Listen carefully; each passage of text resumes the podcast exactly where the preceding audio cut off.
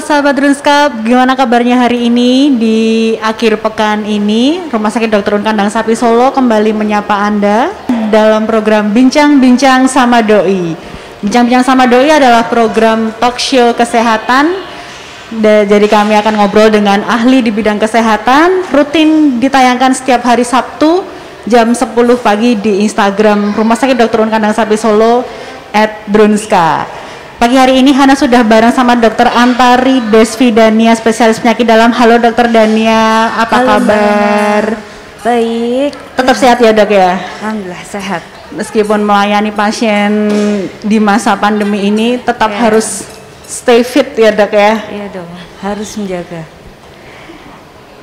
Eh, kali ini Hana sama Dokter Dania akan membahas seputar tetap bahagia dan sehat di hari tua. Jadi ini cocok banget buat sahabat Drunska yang mau nonton bisa diajak papa, mama, eyang kakung, eyang putri, diajak semua dan stay tune sampai akhir nanti karena akan ada giveaway-nya juga dok. Jadi bagi yang nonton sampai akhir, yang kirim pertanyaan banyak, pertanyaan paling menarik nanti akan dapat kesempatan untuk periksa dengan dokter Dania, konsultasi dengan dokter Dania di klinik spesialis penyakit dalam Rumah Sakit Dr. Un Kandang Sapi Solo. Bagi sahabat Ruska yang baru saja bergabung dan pengen ngobrol sama dokter Dania, langsung saja sampaikan pertanyaan di kolom komentar live Instagram ini. Oke, kita langsung bahas aja tema hari ini ya dokter ya. Iya Mbak Ana. Oke, Eh, terkait tetap bahagia dan sehat di hari tua. Seseorang itu bisa dikatakan berusia tua itu ketika memasuki usia berapa sih dokter? Oke, terima kasih Mbak Hana. Sebelumnya selamat pagi Sobat Dunska. Ini hari ini kita membahas tentang lansia. Eh, sebenarnya agak ini ya, kita kan sebenarnya masih jauh ya Mbak dari lansia. Kalau sebenarnya kapan sih kita katakan seseorang itu sudah lanjut usia? Itu kalau menurut WHO, WHO membagi itu usia ada middle age, ada eh, lansia, lanjut usia, ada eh, lanjut sangat usia, eh, sangat lanjut usia. Itu pembagiannya adalah 45 tahun sampai 59 tahun itu adalah middle age atau pertengahan biasanya adalah masa-masa di mana usia produktif orang masih bekerja, orang masih aktivitas dengan baik. Kemudian kalau dikatakan eh, lanjut usia itu adalah 60 tahun sampai dengan 74 tahun atau 80 tahun. Ada yang mengatakan seperti itu. Selebihnya adalah sangat usia lanjut. Tapi ini adalah usia secara kronologis atau dari dia lahir sampai setiap tahun berulang tahun seperti itu. Kami juga ada namanya usia biologis. Usia biologis itu ketika seseorang dengan usia kronologisnya mungkin masih 50 tapi karena banyak penyerta tampak lebih tua. Kan kita kadang-kadang seperti itu ya. Kok kelihatan lebih tua ya? Kok kelihatan lebih nah itu itulah yang disebut dengan usia biologis. Itu tergantung dengan kondisi fisik seseorang. Ya tapi kalau di sini lanjut usia di atas 60 lanjut usia. Nah itu. Kalau di bidang medis sebenarnya beda lagi. Ada lansia ada geriatri. Kalau geriatri itu adalah sudah di atas 60 tahun dan dia ada penye, eh, ada penyerta, ada penyakit penyerta. Kan ada yang 60 tahun tapi sehat. Kita katakan fit geriatri. Tapi di atas 60 tahun tapi beliau ada hipertensi, ada gula, riwayat stroke atau gangguan pendengaran ya. Kita katakan oh beliau adalah seorang geriatri. Gitu. Ya mungkin itu sekilas tentang lansia. Ya. Jadi kalau umur 27 kayak aku gini misalnya dok ya. Jadi sebenarnya kalau dikatain, aduh aku udah tua banget nih gitu, belum masuk ya sebenarnya dok ya. ya belum lanjut usia ada kita itu mengatakan tua itu kalau pembandingnya kan lebih muda mbak tapi kalau sebenarnya berapa sih kita boleh bilang aku udah lanjut usia ya itu di atas 60 Kemudian eh, sahabat Runska, bagi tadi yang bertanya-tanya ini di belakang kenapa banyak banget ada anak-anak. Ini saya sama Dokter Dania lagi di The Unfan Edu Park atau taman bermain anaknya di Rumah Sakit Dr. Un Kandang Sapi Solo. Jadi Rumah Sakit Dr. Un Kandang Sapi Solo ini dokter dari tahun 2017 itu sudah menerapkan pemisahan jalur. Jadi antara yang pasien yang sakit sama pengunjung yang sehat itu jalurnya sudah terpisah. Jadi aman dikunjungi. Makanya di sini ada anak-anak, kemudian ada pengunjung yang sehat. Tadi bisa dengan bebas di sini. Kemudian pakai masker tetap, pakai kemudian ada cuci tangan, tempat cuci tangan, wastafel, hand sanitizer di berbagai titik. Jadi Rumah Sakit Dr. Un Kandang Sapi Solo aman dikunjungi dan tetap selalu menerapkan protokol kesehatan untuk mencegah transmisi virus corona. Lanjut dokter ketika kita sudah berusia tua itu penyakit apa saja sih dok yang biasanya berisiko terjadi gitu, saat memasuki usia-usia mulai ke 60 gitu dok. Oke terima kasih ya mbak. Sebenarnya kalau kita katakan sebenarnya penyakit apa sih yang berisiko saat tua? Sebenarnya tidak hanya saat tua saja. Di atas 30 tahun itu sebaiknya kita sudah memulai untuk memonitor kesehatan kita. Ini fungsinya untuk mempersiapkan uh, usia lanjut yang fit, yang tetap sehat, yang tetap bugar, yang tetap uh, stabil. Istilahnya boleh tua, tapi kalau bisa kita janganlah merisaukan atau uh, menyebabkan orang lain itu jadi ter, tergantung sama orang lain kan gitu ya itu sebenarnya di atas 30 tahun tuh kita harus mulai mulai memonitor. Nah, terus penyakit apa saja yang menyerang pada usia lanjut tergantung dari faktor resikonya sebenarnya. Karena seorang lansia itu berbeda dengan usia sebelum 60. Minimal ada empat faktor yang membuat seorang lansia itu uh, terpengaruh kondisi fisiknya satu biologis, jadi secara fisiknya dia startnya seperti apa dulu. Terus yang kedua secara psikologis. Secara psikologis eh, bagaimana orang ini apa pasien ini sebelumnya lansia ini sebelumnya. Yang ketiga faktor sosial ekonomi jelas ya karena terpengaruh dengan nutrisi dan segala macam. Yang keempat faktor lingkungan. Nah empat faktor ini yang mempengaruhi seorang usia lanjut resiko penyakitnya apa saja. Namun di balik semua itu kita juga mengenal namanya sindrom geriatri. Sindrom itu adalah kumpulan gejala, kumpulan keluhan yang sering kita dapatkan di usia lanjut. Itu kalau kita jabarkan tuh kita mengingatnya tuh 14I gitu kan ya. Satu imobilisasi, instability yang paling sering tuh. Instability itu adalah ketidakseimbangan. Kalau kita sering mendengar keluhan orang tua kita, eyang kita, nenek kita itu bilang kok sekarang saya jalannya kayak mau jatuh ya? Nah kayak gitu kan.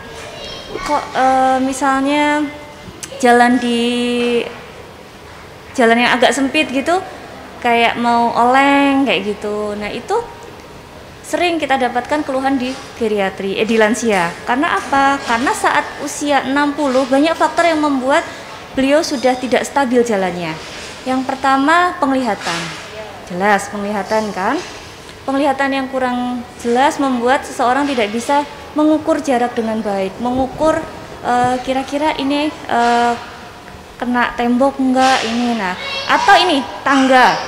Nah seringnya kan seperti itu nggak stabil kan? Eh tahu-tahu kayak mau jatuh gitu. Karena memang penglihatan beliau sudah tidak setajam sebelumnya.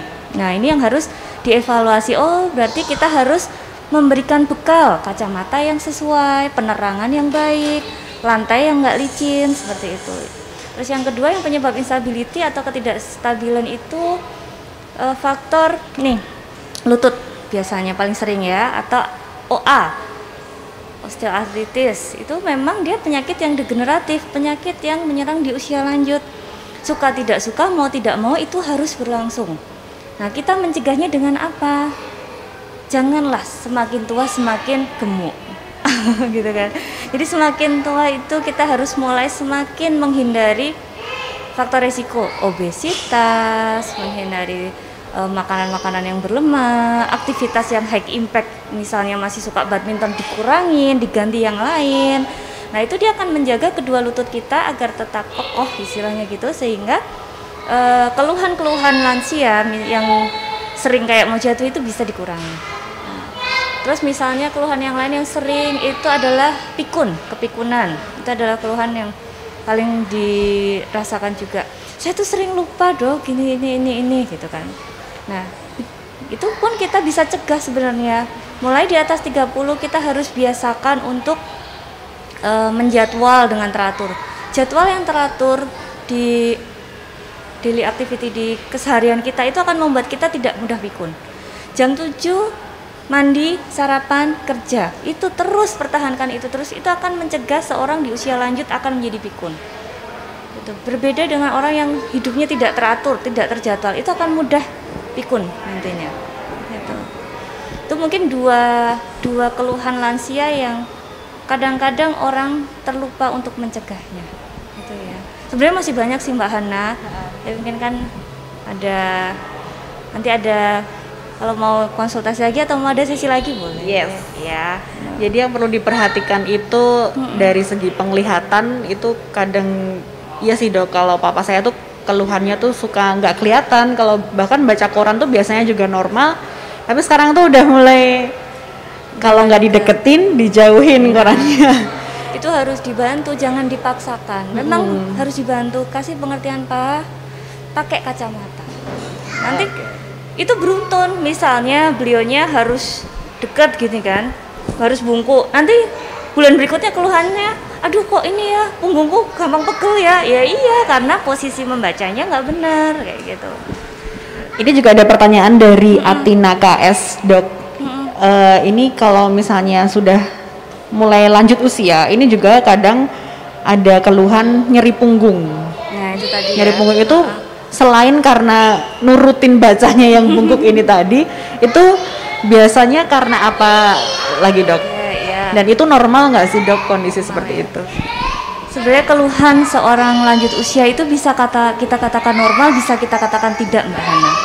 Kita katakan normal apabila kapasitasnya itu memang sesuai dengan usianya. Misalnya uh, keluhan uh, jalan saya kok lambat ya sekarang. Oh ya wajar karena kemampuan geraknya memang berkurang kayak gitu. Nah, seperti halnya nyeri punggung. Nyeri punggung itu masih normal apabila beliau masih bisa melakukan aktivitas sehari-hari dengan mandiri. Misalnya walaupun nyeri punggung tapi masih bisa pakai baju sendiri. Beliau masih bisa duduk makan sendiri. Beliau masih bisa misalnya kalau yang muslim masih sholat e, mandiri dengan berdiri itu nggak apa-apa. Memang nyeri karena faktor banyak faktor biologis yang berperan di situ. Satu kebiasaan beliau waktu masih muda apakah mengangkat berat kah atau apa gitu kan itu mempengaruhi posisi tulang. Jadi faktor yang pertama itu organnya dulu barangnya dulu. Apakah sudah berubah dari usia mudanya atau belum? Kalau sudah ya wajar memang akan menimbulkan keluhan. Terus yang kedua uh, faktor nutrisi. Bisa saja uh, keluhan nyeri punggung ini karena adanya sudah mulai mungkin osteoporosis, kekurangan vitamin D. Karena semakin usia, asupan gizi pasti akan uh, semakin menurun karena nafsu makan menurun. Terus mungkin nggak suka lagi aktivitas fisik di luar, sehingga itu menurunkan vitamin D, menurunkan vitamin yang lain, menurunkan nutrisi yang berujung pada keropos tulang itu bisa menimbulkan nyeri punggung. Gitu. Mungkin ya ya mbak ya. Jadi apakah normal atau tidak? Bisa normal bisa tidak tergantung pemeriksaan yang kita lakukan dan mungkin ada data-data dan riwayat sebelumnya seperti apa. Kalau nyeri punggung di usia yang uh, cenderung muda ya dok. Jadi usia 25 27 gitu kalau misalnya ada keluhan nyeri punggung hmm itu selain karena faktor dia sering angkat-angkat hmm. gitu selain itu juga mungkin obesitas juga ngefek ya dok ya? Iya berpengaruh juga. kan. Selain itu biasanya disebabkan karena apa sih dok? Kalau nyeri punggung di usia yang muda gitu. Usia muda itu banyak ya. Kalau kita bicara penyakit mungkin ada yang lebih berkompeten ya. Ada dokter tulang ada dokter saraf yang lebih berkompeten. Tapi di usia muda pasti dia ada penyerta yang lain pasti kalau misalnya kita lakukan pemeriksaan penunjang ada kelainan di sebelumnya. Entah itu posisi tulang punggungnya yang kalau tadi kan karena kebiasaan jelas ya dia harus merubah itu. Tapi kalau masih muda nggak pernah angkat-angkat kok nyari punggung coba kita foto dulu. Apakah memang posisinya sudah benar atau belum? Karena beberapa orang memang eh, terlahir atau dia secara organnya tulang punggungnya sudah agak membengkok otomatis ya otomatis dong dia saat berjalan tegak dia harus ketarik ototnya terus nyeri kayak gitu untuk itu kita kita perlu bantuan dari sejawat rehab medik misalnya untuk melakukan fisioterapi rehabilitasi medik yang sesuai agar bisa di minimal mengurangi nyeri akibat bengkoknya tulang punggung. Oke, kita lanjut baca pertanyaan dari pemirsa ya dok ya. Hmm. Ini ada dari Bagus HGP. Selamat pagi Dokter Dania. Selain menjaga pola makan dan olahraga, apakah medical check up setiap tahun diperlukan dok? Dan pemeriksaan apakah yang sesuai untuk usia 30 sampai 50-an? Oke, makasih. Mas Mas Bagus atau Pak Bagus ya. Ada empat hal dasar yang harus kita persiapkan sebelum lanjut usia. Satu, pemeriksaan medical check up itu secara rutin. Yang kedua, nutrisi yang cukup. Tiga, aktivitas. Yang keempat, atur emosi. Di atas 30 tahun itu kan mulai tuh, mulai kita, mulai kita emosi dalam artian kalau yang kerja kadang-kadang lupa untuk mengatur emosinya jadi dia uh, sering terburu-buru sering ini terus akhirnya tidurnya nggak cukup segala macam. Itu mempengaruhi. Jadi yang empat hal itu harus dipegang dulu. Terus medical check up kapan sebaiknya rutin dilakukan? Mungkin tadi di awal saya sudah bilang ya mbak di atas 30 tahun kita harus mulai membenahi ya kan mulai membenahi. Jadi setahun sekali minimal setahun sekali kita lakukan general check up general check up minimal yang bisa dilakukan kita juga kayaknya punya paket itu ya punya paket-paket ada banyak ya. pilihan paket ah, medical check up ya. di rumah sakit dokter Unkan yeah. Sapi Solo dok itu untuk yang put, uh, yang putra ada sendiri untuk yang general check up wanita juga ada sendiri nah itu itu sudah cukup komplit mulai dari pemeriksaan untuk mengetahui fungsi paru, fungsi jantung, ronsen dan EKG, terus untuk uh, mengetahui fungsi-fungsi uh, yang penting di tubuh dalam kita misalnya fungsi liver, fungsi ginjal, ada pemeriksaan OTPT, ureum kreat, kemudian uh, darah rutin jelas ya untuk mengetahui profil darah kita.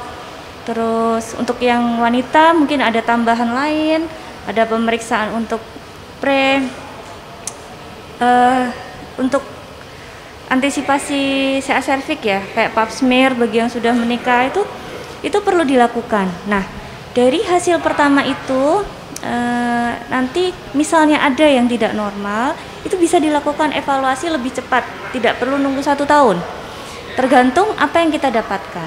Kalau misalnya paling sering itu kolesterol, nah usia-usia segitu sudah bisa kerja, jajan, makan enak kayak gitu kan. nah itu itu kita bisa lakukan pantauan 3 sampai 6 bulan sekali untuk profil lipidnya. Itu. Jadi pantauan-pantauannya itu. Jadi medical check up dianjurkan satu tahun sekali, tapi Minimal. kalau misalnya sudah ada kondisi yang tidak normal, ya. segera dikonsultasikan untuk bisa diterapi lebih lanjut ya dok iya, ya. Nanti untuk pantauannya seberapa sering seperti itu.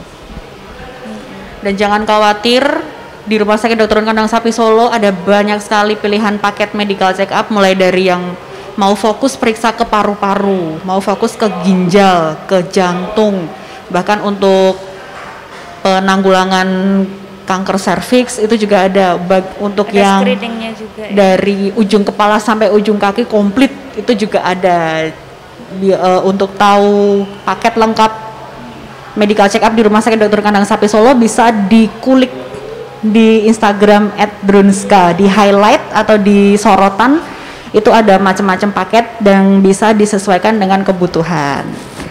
Lanjut dok, ini tadi saya penasaran, saya tertarik sama yang kolesterol tadi dok. Jadi kalau di usia muda, di usia-usia lagi seneng jajan gini ya dok ya, kan apalagi sekarang itu udah ada GoFood. GoFood. Gitu. itu kan kadang sukanya aduh. merek boleh. Oh iya ada ojek online untuk makanan. Jadi kita tinggal pencet udah makanan datang. Nasi kulit enak nih makan siang. Makan siang pakai nasi, ayam goreng, ada ayam geprek. Itu kan kita mostly hampir tiap hari makan kayak Iya. gitu, Dok. Kalau misalnya dari Buddha sering konsumsi seperti itu, dampaknya di hari tua ketika kita masuk usia 60 kalau itu tidak dikontrol apa, Dok? Oke, memang itu tuh sulit ya. Apalagi di Solo itu kan kulinernya. ampun Bener. ya. Oke, kalau yang udah yang tinggal di Solo atau pernah main ke Solo tahu kan kita tuh mungkin nggak banyak tempat wisata tapi ayo kalau kita mau makan dari pagi sampai pagi juga ada kan. ya tentunya pastilah makanan yang kurang sehat itu akan berpengaruh. Boleh sih makan sesekali boleh, tapi tidak setiap hari. Jangan jadikan itu suatu gaya hidup. Walaupun itu cuma bakso. Kalau mungkin kita pernah keluar kota itu yang terkenal kan bakso Solo ya. Bakso Solo. Saya pernah waktu itu di luar Jawa pun dari mana dok dari Solo pasti bisa bisa masak bakso ya karena terkenal dengan itu padahal itu kan eh, lemaknya juga tinggi kan? Nah itu apakah berpengaruh? Iya. Yang pertama kita harus menyadari diri kita. Apakah orang tua kita ini punya faktor risiko seperti itu? Apakah orang tua kita ini ada diabetes? Apakah orang tua kita punya riwayat jantung riwayat stroke punya hipertensi? Kalau iya kita harus sadar diri lah kita ini punya spare part yang eh, tidak jauh berbeda dengan orang tua kita. Jangan ditambahin dengan makanan-makanan yang memicu penyakit-penyakit tersebut. Gitu. Tapi bagi yang syukur-syukur alhamdulillah mungkin orang tuanya sehat walafiat tidak ada riwayat apa pun eh, itu juga nggak boleh dijadikan gaya hidup makan sehari-hari karena makanan-makanan tersebut akan memicu terjadinya paling dekat itu kan dia memicu perlemakan di pembuluh darah kayak ada eh, kerak di pembuluh darah. Nah ini kalau dibiarkan terus menerus kolesterol yang tinggi ini dia akan berubah menjadi eh, kalau pembuluh darah kita tuh kayak selang gitu kan mbak. Kalau dia tuh ketumpuk lemak lemak lemak kan jadi sempit. Tekanan darah kita tinggi. Ada sumbatan. Belum lagi nanti diabetes nah kalau udah namanya diabetes itu sering kita bilang adalah mother of disease ibu segala penyakit. Kalau udah diabetes itu gampang aja dia penyakit yang lain tuh nemenin yang hipertensi lah yang nanti kesemutan yang nanti gampang matanya kabur lah. Komplikasinya tuh, tuh jadi panjang ceritanya. Jadi awalilah dengan menyadari diri sendiri itu di posisi yang di mana high risk kah, risiko tinggi atau yang tidak. Kalau yang high risk selain makanan kita harus jaga gaya hidup. Mulailah olahraga di usia muda. Hindarilah merokok, minuman alkohol, tidur malam. Oke, itu harus dijaga. Kalau yang low, eh, low risk atau mungkin nggak ada risiko, boleh sesekali, tapi tetap ingat, bukan berarti yang tidak beresiko itu tidak bisa menjadi eh, penyakit-penyakit itu, tetap bisa. Gitu. Itu tadi kalau seputar ayam geprek ya, Dok. Kalau sekarang micin, Dok. Jadi kan ada jajanan tuh yang enak tuh ya, makaroni. Terus kayak ada bakso goreng dikasih micinnya yang udah banyak banget itu. Kalau udah makan, berhenti makan itu pahit, Dok. Kadang kita kurang asupan micin gitu. Kalau micin ketika masa muda cukup intens konsumsi micin, di usia tua dampaknya apa, Dok? Saya penasaran nih, soalnya saya sering jajan micin. micin bikin pinter. Jadi kalau ya itu kan memang micin itu kan yang kita takutkan itu kandungan natriumnya yang tinggi. Natriumnya tinggi memang itu memicu itu merangsang nafsu makan. Terus sebenarnya itu memicu haus, cuman karena teralihkan dengan kita harus kayak makan terus biar biar ada yang masuk gitu kan. Nah, itu efek jangka panjangnya karena natrium akan mempengaruhi paling dekat hipertensi karena mengakibatkan tekanan darah. Nah, kalau sudah seperti itu panjang nanti ceritanya. Bisa ke mana-mana. Tetap kurangin micin, pengawet juga ya, karena bukan hanya penyakit metabolik. Kalau pengawet itu dia juga akan memicu penyakit yang lain. Pastilah enggak enggak terlalu baik untuk kesehatan kalau kebanyakan yang pengawet kan dia juga bukan dianjurkan sebagai makanan utama sebenarnya kita aja yang salah persepsi menjadikan makanan itu sebagai makanan utama. Jadi micin, hati-hati sobat micin yang suka jajan, yang hari ini kurang asupan micin, hati-hati bisa memicu darah tinggi, ya dok. Banyak sih nggak cuma darah tinggi, paling deketnya. Paling deket darah tinggi. Apalagi sekarang tuh kayak banyak fenomena anak muda, tapi tensinya udah tinggi dok. Kenapa entah akhir-akhir ini tuh saya tuh sering menemui gitu loh, kan kadang kalau ngobrol sama temen gitu, dia sering sharing gitu kok hari ini tuh tensi aku tuh 140 ya padahal dia masih usia 26 27 gitu dok Iya. apakah memang fenomena ini di akhir-akhir ini umum dok dengan pola hidup masyarakat yang sekarang sudah berubah Kalau data saya nggak tahu ya. Cuman memang iya. Sering pasien masih umur-umur 20-an gitu sudah hipertensi stage 1. Ya, yang utama memang gaya hidupnya memang berbeda dengan eh, mungkin orang tua kita 30 40 tahun yang lalu. Dulu kan belum banyak makanan micin ya. Terus yang kedua juga stresor pekerjaan, stresor lingkungan tidak seperti sekarang gitu.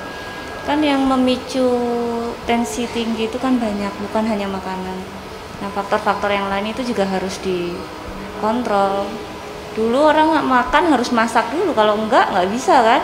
Sekarang tinggal pesen, telepon, kayak Mbak Mbak Hana bilang kan, cuman tik tik tik tik tik, Pak, ayam geprek pakai ini, pakai itu, pakai itu. Gitu itu yang membuat terus orang jadi lost kontrolnya ya harus harus semangat nih yang masih 30 25 menuju 30 ayo gitu kan. Biar bisa menjadi lansia yang sehat lansia yang fit gitu. lansia yang bugar Mm-mm. termasuk jajan kopi. Sekarang kan warung kopi banyak banget dok. Sekarang tuh kayak kalau misalnya aku nggak ngopi ini kayak aku kurang hip kayak kurang ketendang gitu fokusnya dong ngefek ya dok ya ternyata kopi minum kopi jadi setiap pagi tuh kan kadang ada yang ah ini enaknya tuh americano double shot gitu. Iya, espresso. Sekarang apalagi banyak kelas-kelas barista coba ini coba itu Yes. gitu kan. Boleh sebenarnya kopi tidak dilarang. Tidak ada eh, satupun literatur mengatakan tidak boleh sama sekali strict no kafein enggak. Tapi selalu akan ada batasan-batasannya satu cangkir kopi setiap pagi itu masih oke. Gitu. Jadi mau hits masih bisa tapi bukan pagi siang sore kita ke kedai kopi sana sini. Itu selain nggak sehat organ dalamnya juga nggak sehat kantongnya sih dok kalau kedai kopi pagi Iya. siang sore. Tapi daripada ngopi ini di rumah sakit dokter kandang sapi solo kan ada cafe diet juga dok. Jadi dia menyediakan ada jus sehat jus rendah kalori. Termasuk yang salah sa- saat ini ada di depannya dokter Dania. Boleh dicoba dok? Ini jus jambu rendah kalori. Boleh dok dicoba?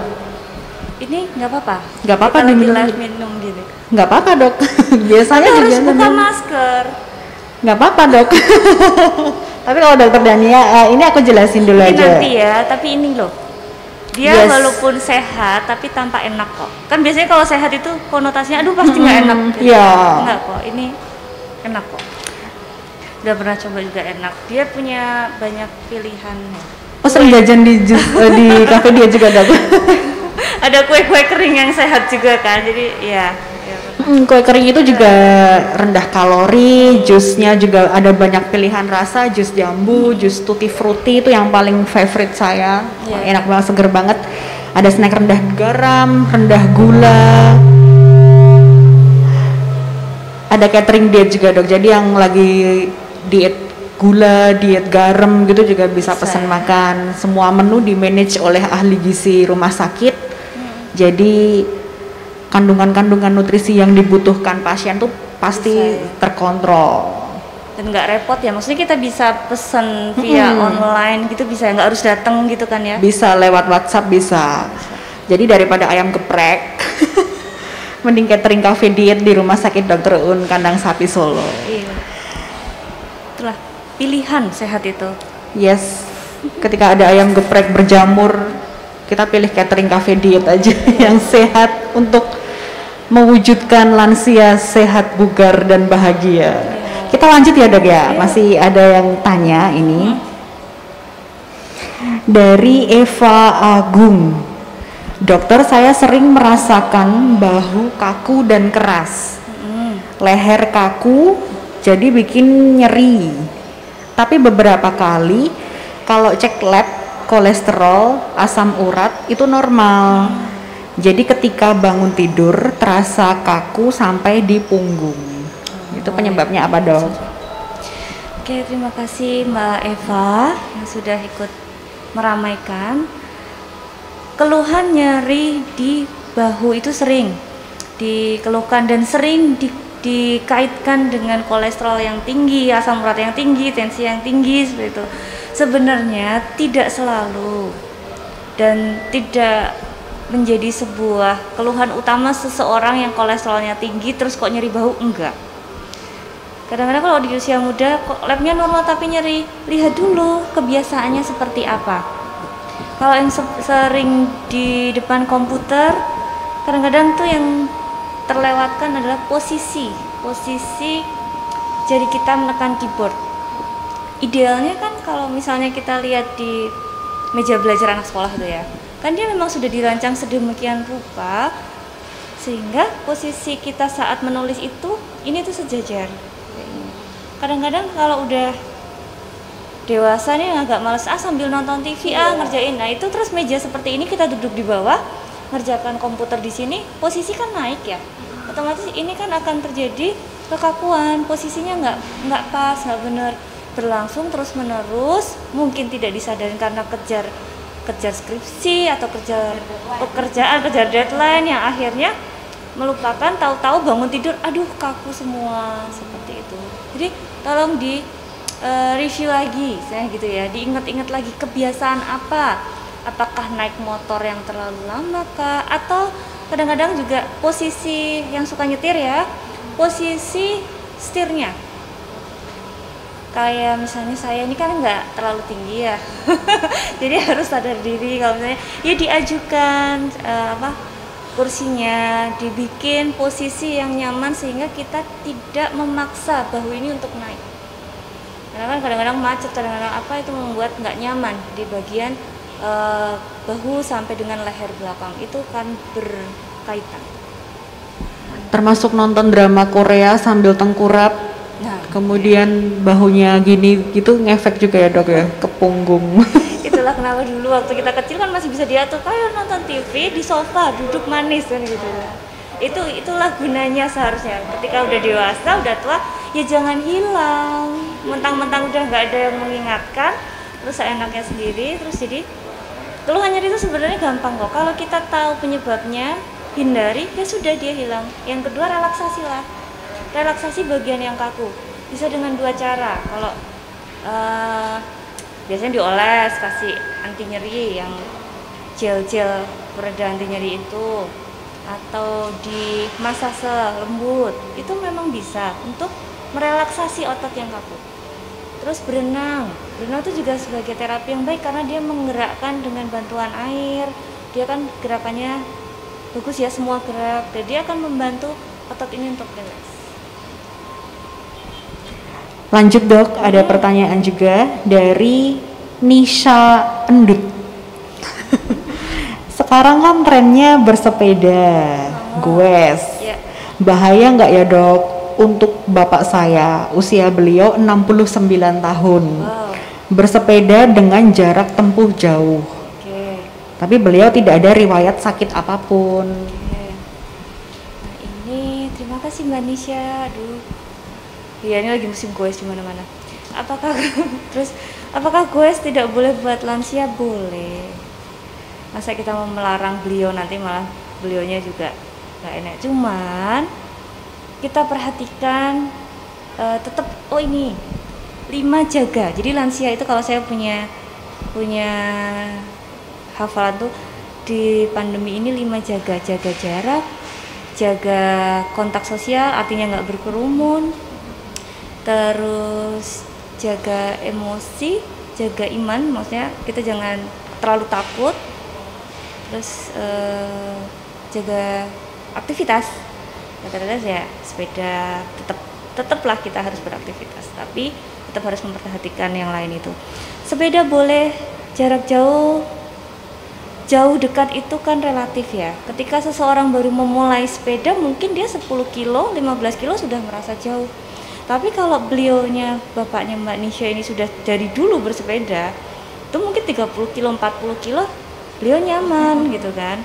Jadi yang penting adalah satu jangan nanjak. Jangan nanjak. Kalaupun nanjak dikit-dikit aja lah. Jangan kita memaksakan diri. Yang kedua kalau misalnya jauh dekat ukur sendiri. Beliaunya yang tahu kok kapan merasa lelah kapan tidak yang kadang-kadang terlupa adalah kalau sudah sama teman-teman. Nah ini terpantik kan? Habis sepedaan jajan soto.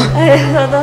Ya apa sih terpantik untuk ayo masa segini aja udah capek? Ayo ayo. Nah ini yang harus bisa tadi jaga emosi. Jangan kita terpancing. Ya sudah. Batasannya apa? Kita masih bisa bicara tanpa ngos-ngosan. Itu artinya kita masih kuat. Tapi kalau kita sudah patah-patah satu kalimat kok sudah nggak nyaman sudah stop istirahat. Itu yang harus dikontrol. Bolehnya boleh berapa jaraknya tergantung beliau start ya. Tapi janganlah tiga jam tanpa henti jangan terus jangan nanjak. Terus pilihlah sepeda yang sesuai dengan uh, ini tubuh kita. Jadi ada ukuran-ukuran kan sekarang banyak pilihan sepeda ya. Jangan memaksakan yang temennya pakai yang uh, sepeda balap terus ingin ikut jangan. Kalau emang nyaman pakai sepeda pakai aja. Yang penting kan geraknya repetisinya itu. Kardio respirasinya yang penting. Ngomong-ngomong soal pandemi di dok ya kan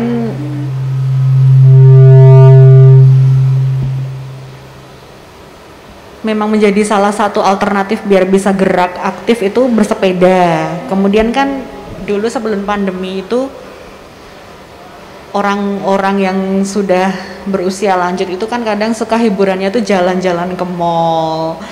Pagi-pagi itu sudah jalan-jalan itu terus nanti sambil menyapa tetangga-tetangganya ayo jalan bareng. Kan kadang eyang-eyang gitu suka kayak gitu jalan-jalan pagi gitu terus suka kumpul-kumpul juga di tempat ramai. Pokoknya lebih aktif ke kumpulan-kumpulan gitu deh kalau lansia. Tapi karena masa pandemi ini harus terpaksa dikurangi termasuk jaga kontak sosial tadi ya dok ya. Gimana sih dok biar lansia bisa tetap jaga kebugaran tapi juga nggak melanggar protokol selain dengan lima jaga tadi dok? Terima kasih mbak Ana. Karena sebenarnya itu uh, baik ya ketika kita punya orang tua yang masih aktif secara sosial. Itu tuh sangat-sangat baik untuk melatih beliau biar nggak gampang pikun. Beliau biar karena kalau udah usia lanjut itu kan kadang-kadang ada rasa timbul takut sendiri. Kalau aku sendirian terus nanti tiba-tiba jatuh atau tiba-tiba sakit nanti ada yang tahu nggak ya seperti itu. Jadi sebenarnya saya suka orang tua yang masih aktif misalnya datang ke arisan datang ke acara reuni itu mereka seneng loh sesama seusia gitu ya ketemu itu mereka seneng. Dulu kan uh, ada namanya sarasehan geriatri itu ya. Beliau tuh selalu menantikan saya suka karena kumpul sama teman-temannya. Tapi di tengah pandemi ini tentu saja tidak bisa dilakukan. Karena lansia sendiri itu adalah resiko tinggi juga untuk tertular imunnya sudah turun. Nah itu bagaimana? Tetap beraktivitas uh, dengan merubah. Misalnya senam biasanya rame-rame gitu kan. Nah ini sekarang sudah ada kok senam yang berjarak artinya pilih aja di tanah yang lapang gede dengan jarak yang agak jauh itu masih boleh. Tapi setelah itu terus jangan merumpi jangan ngobrol pulang-pulang gitu. atau yang lebih bagus lagi itu yang ada di perumahan misalnya di tengahnya ada lapangan kecil. Nanti si instrukturnya itu di tengah-tengah lapangan. Kemudian eh, yang bapak-bapak atau ibu-ibu kita di depan teras masing-masing melakukan gerakan-gerakan senam kalau yang biasa jalan-jalan ke mall di Solo ini kayaknya dilarang ya lansia masuk mall. Jadi emang nggak bisa alihkan di jalan-jalan yang lain misalnya. Uh, ke tempat yang lapang.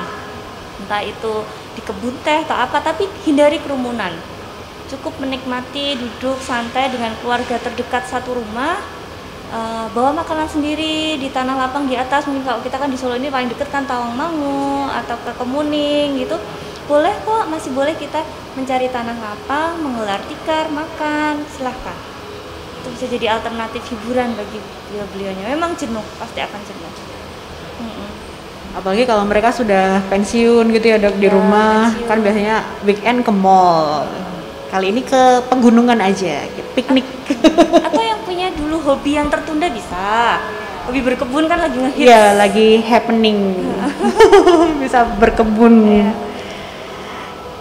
kadang kan kalau lansia apalagi eyang-eyang gitu yang suka jalan-jalan di mana kita saat ini sedang sangat dianjurkan untuk selalu pakai masker ya dok. Iya. Untuk lansia hmm. kan untuk pernafasannya tuh kadang agak PR juga ya dok ya. Hmm. Jalan saya suka jalan nih, tapi mesti pakai masker. Kan engap. Ya udah deh saya jalan tetap jalan tapi kadang masker saya lepas kalau kayak gitu gimana dok menyikapinya dok?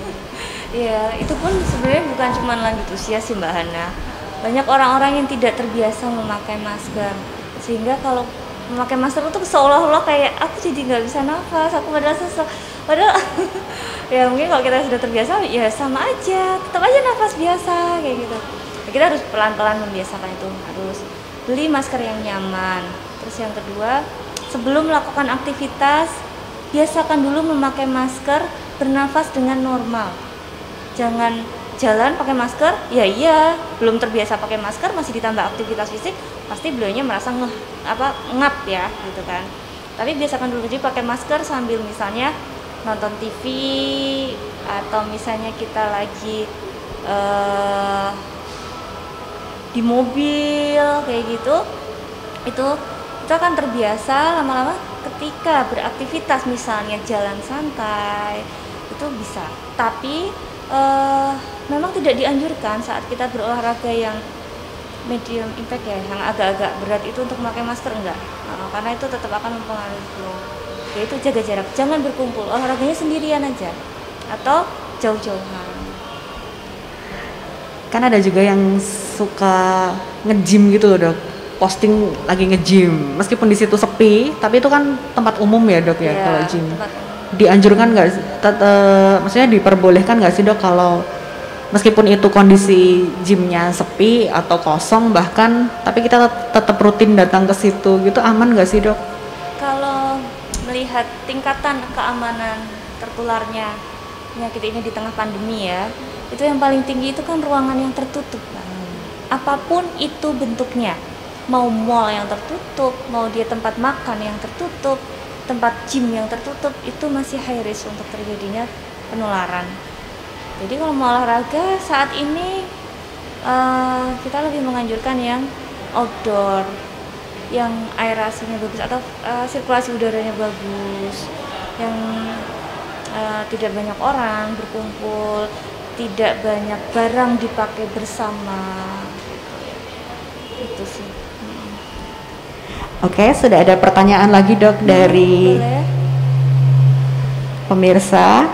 Jadi ini ada dari Anggun Pamase. Dokter, jika orang tua memiliki riwayat stroke, apakah bisa menurun ke anaknya? Terima kasih Mbak atau Mas Anggun? Mbak Anggun ya. Apakah stroke bisa penyakit keturunan? Sebenarnya stroke sendiri itu bukan penyakit keturunan tapi stroke itu kan pasti ada penyebabnya. E, memang ada beberapa jenis stroke yang memang dia ada kelainan di jenis pembuluh darahnya, memang pecah terus dia terjadi stroke memang ada. Cuman kalau misalnya dia terkena stroke-nya karena diabetes, karena hipertensi, ya artinya apakah bisa menurun? Iya, si anak ini memiliki resiko terjadinya hipertensi dan diabetes atau mungkin penyakit metabolik yang lain yang akan berujung pada stroke atau penyakit jantung pembuluh darah yang lain. Gitu. Jadi apakah itu keturunan? Resikonya iya, faktor resikonya iya, tapi apakah orang tua yang stroke anaknya akan stroke? Tidak selalu. Tapi beware, tapi hati-hatilah pada orang-orang tua yang punya eh pada yang masih punya orang tua yang punya stroke atau apa si anak ini harus jauh lebih hidup sehat dibanding yang yang tidak punya orang tua. Jadi yang perlu diperhatikan bukan stroke-nya, tapi penyakit penyertanya. Jadi kayak misalnya hipertensinya. Di ya, baliknya itu, sebelum hmm. jadi stroke tuh ada nggak beliau itu pernah penyakit yang lainnya ini yang harus diperhatikan karena inilah yang bisa menurun ke anaknya. Gitu. Kalau ini untuk keturunan ya dok, kadang tuh ada. Jadi orang tuanya tuh dia riwayat darah rendah. Tapi anaknya itu darah, tinggi. tinggi. Gitu. Memang normal terjadi nggak ada kayak gitu? Bisa terjadi kalau normal sih ya nggak ada yang normal ya. Itu bisa terjadi aja karena uh, penyakit itu pasti banyak penyebabnya koma bukan hanya karena bawaan aja. Ya kalau orang tuanya darah rendah karena misalnya seorang vegetarian tapi anaknya penyuka junk food ya pasti dong dia akan beresiko hipertensi lebih tinggi daripada kedua orang tua karena dari makanannya udah tidak benar terus mungkin orang tuanya nggak merokok anaknya merokok. Itu kan sudah mempengaruhi. Ya stresornya juga beda. Mungkin orang tuanya adalah tipikal uh, kalau dulu kan mungkin bisa memaintenance emosi dengan baik tekanan di pekerjaan dan lingkungan tidak terlalu tinggi sedangkan si anak mungkin hidup di kota besar yang tekanan pekerjaannya juga tinggi yang juga mobilitasnya tinggi sehingga itu akan memicu untuk faktor untuk menjadi faktor risiko. Ada lagi dok dari Ibu Helena Pauleta. Ini pemirsa setia bincang-bincang doi di dok. Jadi beliau tanya kalau sakit DM apakah ada batasan makan buah mangga? Oh. nah, untuk sakit diabetes itu pasti akan ada batasan ibu. Mau dia buah mangga atau buah pisang atau jus apa pun pasti ada karena kan kita menghitung kalori kebutuhan kalori setiap orang. Kalori itu tidak hanya dari karbohidrat, tidak hanya dari lauk pauk, tapi juga buah. Kalau buah mangga boleh boleh, boleh buah mangga tapi jangan kok terus dua putih dua ini dua mangga utuh. Belum lagi kalau nanti musimnya mangga alpukat tuh kan besar besar tuh. Nah janganlah. Kalau misalnya kira-kira uh, satu porsi ini satu porsi saji kalau kita di rumah sakit itu gampangannya. Itu adalah kalau saya mengedukasi pasien seperti itu bu makanlah seperti apa yang di rumah sakit. Karena yang di rumah sakit sudah kita hitung jadi kalau misalnya pengen mangga boleh dok boleh. Tapi seukuran yang dikasih rumah sakit. Satu ini ya satu saji itu berapa ya? Mungkin sekitar 70 sampai 100 gram ya. Setengah setengah buah ini ya setengah buah itu. Kalau pengen pepaya boleh boleh. Berapa iris waktu itu dikasih? 6 oh berarti 6 iris gitu. kalau itu bagian gizi kita sih udah komplit kayaknya mbak Hana. Ya kan? Silahkan mm -mm, sudah ada patokannya kalau mau nanya-nanya mau pesen langsung juga bisa. Yes. Jadi kalau mau tanya ini saya cocoknya makan buah mangga seberapa ya biar aman batas amannya. Ini sebenarnya makan nasi itu enak tapi kan harus dibatasi juga. Ya, itu betul. batas normalnya berapa? Kalau masih ragu jangan khawatir. Cafe diet di rumah sakit dokter kandang sapi Solo juga ada konsultasi dengan ahli gizi. Kok dokter ya, ya. Jadi apa pun ada di rumah sakit dokter kandang sapi Solo. Mau nasi kan gampang ya satu centong. Ya. Lebih. Tapi centongnya centong normal jangan centong. Tapi katanya buah pisang itu nggak bagus buat yang lagi diet gitu nggak sih dok? Benar nggak dok? Ya ini kalorinya tinggi. Pisang itu bagus kok. Kalau yang suka olahraga pisang itu kan kaliumnya tinggi ya dia akan menggantikan kalium yang bagus juga. Cuman ya itu tadi seberapa sih? Sebesar apa? Kayak gitu ya boleh. Asal nggak berlebihan. Semua itu kalau nggak berlebihan kan boleh. Ada batas ini ada pertanyaan lagi dok. Hmm. tapi agak out of topic dari Laili. Hmm. dok maaf kalau keluar dari topik anak saya kemarin kolonoskopi Okay. Hasilnya dari anus sampai kaikum, caicum, saikum normal dan tidak dibiopsi. Kenapa ya dok tidak dibiopsi? Apakah karena hasilnya normal? Padahal rata-rata kolonoskopi itu dibiopsi. Oke. aduh mohon maaf ini sebenarnya bukan kapasitas saya ya cuman saya akan jelaskan secara garis besarnya aja saya yakin beliau-beliau yang melakukan kolonoskopi atau di bidang uh, di gas pasti akan lebih memahami. Cuman gini pertimbangan seorang dokter membiopsi atau tidak itu adalah ketika beliau melihat ada atau tidak kelainan pada saat dilakukan kolonoskopi. Biopsi itu apa sih? Biopsi itu kan mengambil jaringan. Mengambil jaringan sedikit dari bagian tubuh kita untuk diketahui jenis penyakitnya apa. Misalnya nih, misalnya Mbak Hana tak lihat ini, oh kulitnya normal, mau nggak aku sayat sedikit? Kan enggak kan? Nah, mungkin beliau uh, pertimbangan dokter tersebut karena melihat normal baik ya sudah. Karena biopsi sendiri itu bukan tanpa resiko.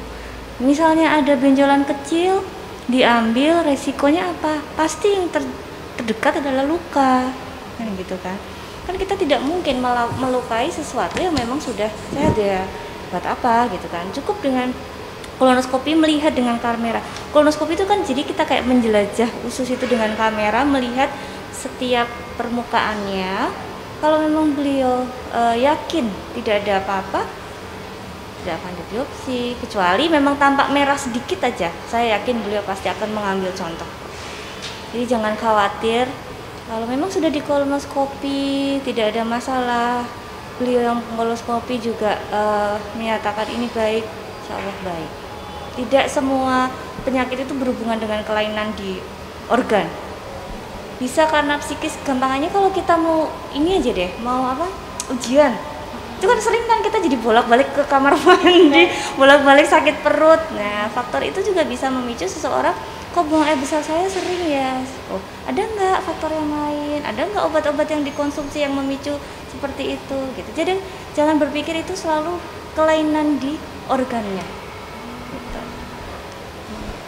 jadi sudah terjawab ya kalau hmm. misalnya tidak dibiopsi itu lebih karena tidak ditemukan kelainan pada ya, organnya. Memang pertimbangan beliau melihat tidak ada masalah, jadi ya hmm. ya, perlu untuk dibiopsi ini balik lagi ke topik. Tapi uh, ini lebih ke pengalaman saya sih dok. Jadi kalau misalnya saya memang sedang nervous atau sedang lagi banyak pikiran gitu kadang cenderungnya itu memang sering bolak-balik kamar mandi alias diare. Jadi kalau lagi pikiran banyak itu memang bisa mengarah ke saluran pencernaan gitu nggak sih dok? Berhubungan dengan ini ya simpatik parasimpatik. Jadi ketika kita itu cemas kita itu panik itu kan memicu parasimpatis kita. Sebenarnya bukan hanya gampang ke belakang kan kita jadi kayak berdebar-debar gampang berkeringat gitu kan. Terus itu kan semua adalah uh, sistemik ya. Artinya keseluruhan tubuh kita terpengaruhi oleh kondisi psikis kita. Itu memang wajar. Ada yang namanya somatisasi atau psikosomatis ya seperti itu jadi makanya selalu selalu kita tekankan kalau mau lansianya sehat jaga emosi. Itu salah satu poin dari lima yang penting. Jaga emosi. Jaga emosi.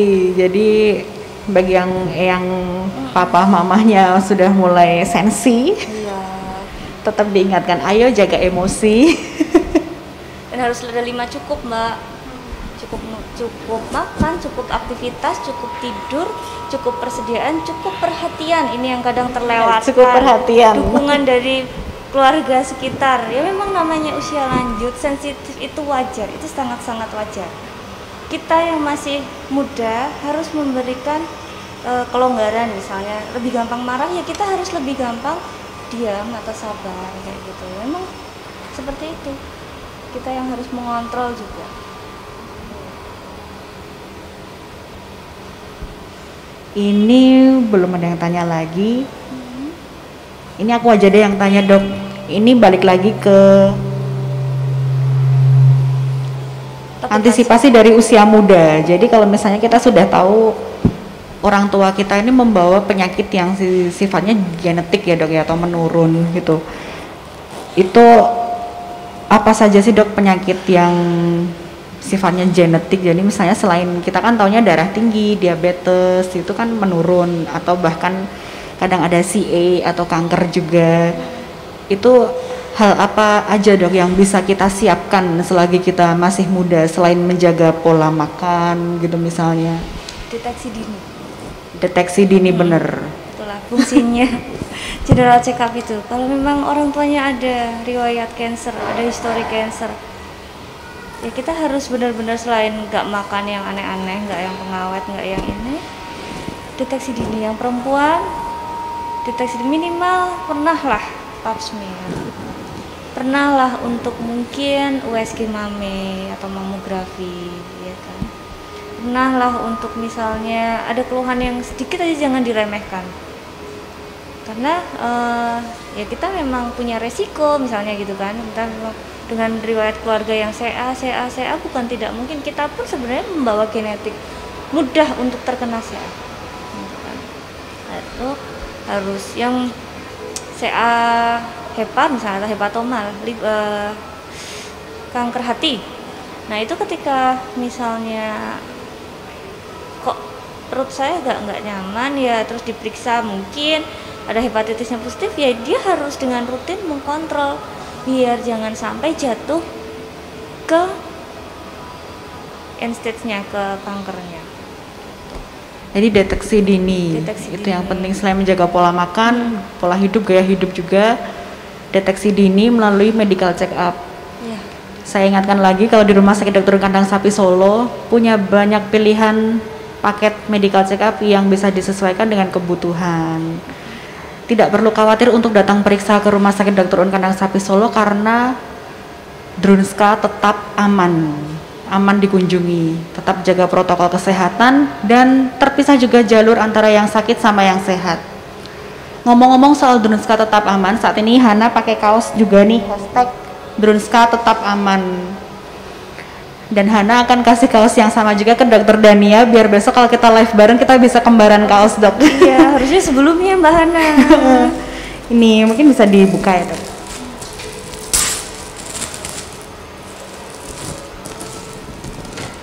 Ini size nya oh size M. semoga kayaknya cukup kok. Drunska tetap oh, ini ya tetap aman.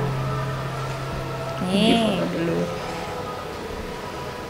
Nah, jadi dengan kampanye hashtag Druska Tetap Aman ini diharapkan masyarakat bisa tahu kalau Rumah Sakit Dokter Kandang Sapi Solo ini kan kadang ada ya dok masyarakat itu aku takut datang ke rumah sakit apalagi di masa pandemi kayak gini. Ya, itu juga kemarin menjadi kendala kita ya, apalagi kalau uh, saya di bagian penyakit jalan itu kan memang pasiennya kan usia-usia lanjut ya. Dok saya takut katanya kalau nggak penting banget. Iya benar. Tapi yang memang punya penyakit kronis atau memang obat rutin tetaplah untuk mengkonsumsi obat tersebut. Toh sekarang kan ada telemedicine ada kalau di un sendiri ini kan enak nih poli terpisah dengan rawat inap ya kan? Istilahnya yang kontrol sehat bukan sehat ya terkontrol baik itu kan berbeda bangunannya dengan yang memang beliaunya datang dengan keluhan sakit jadi jangan khawatir jangan sampai loss uh, loss kontrol loss obat jangan karena kami juga sedih ketika gara-gara pandemi tidak kontrol kemudian datang dengan kondisi yang menurun itu kita juga uh, menyayangkan Loh kenapa? Ya dok, soalnya saya takut kontrol ya. Tapi kan bukan berarti ibu nggak minum obat, gitu kan? jadi seperti itu jadi jangan takut buat pasien Drunska dan worry jangan takut karena Drunska tetap aman. Oke. Okay. terima kasih dokter Dani atas waktunya yeah, pagi hari ini. kasih, sudah menyempatkan untuk ngobrol-ngobrol sama pelanggan setia pemirsa setia bincang-bincang sama doi. Pemirsa jangan lupa tetap jaga. Ada lima jaga tadi dok. Mungkin bisa diulangi lagi jaga boleh ini enggak sebentar soalnya mau daripada ini ber telepon masuk mengganggu. Jadi ini ya uh, jaga jarak jaga kebersihan jelas ya. Jaga jarak jaga kebersihan jaga kontak sosial jaga emosi dan jaga spiritual jaga emosi, jaga spiritual. Jadi tetap pakai masker, itu penting protokol kesehatan, masker, rajin cuci tangan, hand sanitizer bawa ke mana-mana. Hindari kerumunan, physical distancing penting. Tapi ada juga yang lebih penting jaga emosi, jaga spiritual. Karena kalau kita dalam hati tidak sehat, dalam hatinya sedih, tidak bahagia, akan berpengaruh juga kepada kesehatan fisik kita ya dok ya. Iya. Jaga emosi itu kadang gini juga kok mbak apa? eh, diajakin temannya, ayo ah masa kamu nggak berani kita nih sehat semua. Jangan emosi, jangan terpancing. Enggak, aku nggak mau. Bu. Nah itu yang yang muda maupun yang tua tuh masih susah tuh itu loh. Janganlah, kita masih belum selesai, masih banyak kasusnya. Kendalikan diri, jangan mudah diajak oleh suara-suara yang pengen ngajakin ngopi tiap hari. Oke, sampai jumpa pemirsa di Bincang-Bincang Doi pekan depan dengan tema yang tentunya nggak kalah menarik. Sampai jumpa, selamat pagi. Terima kasih.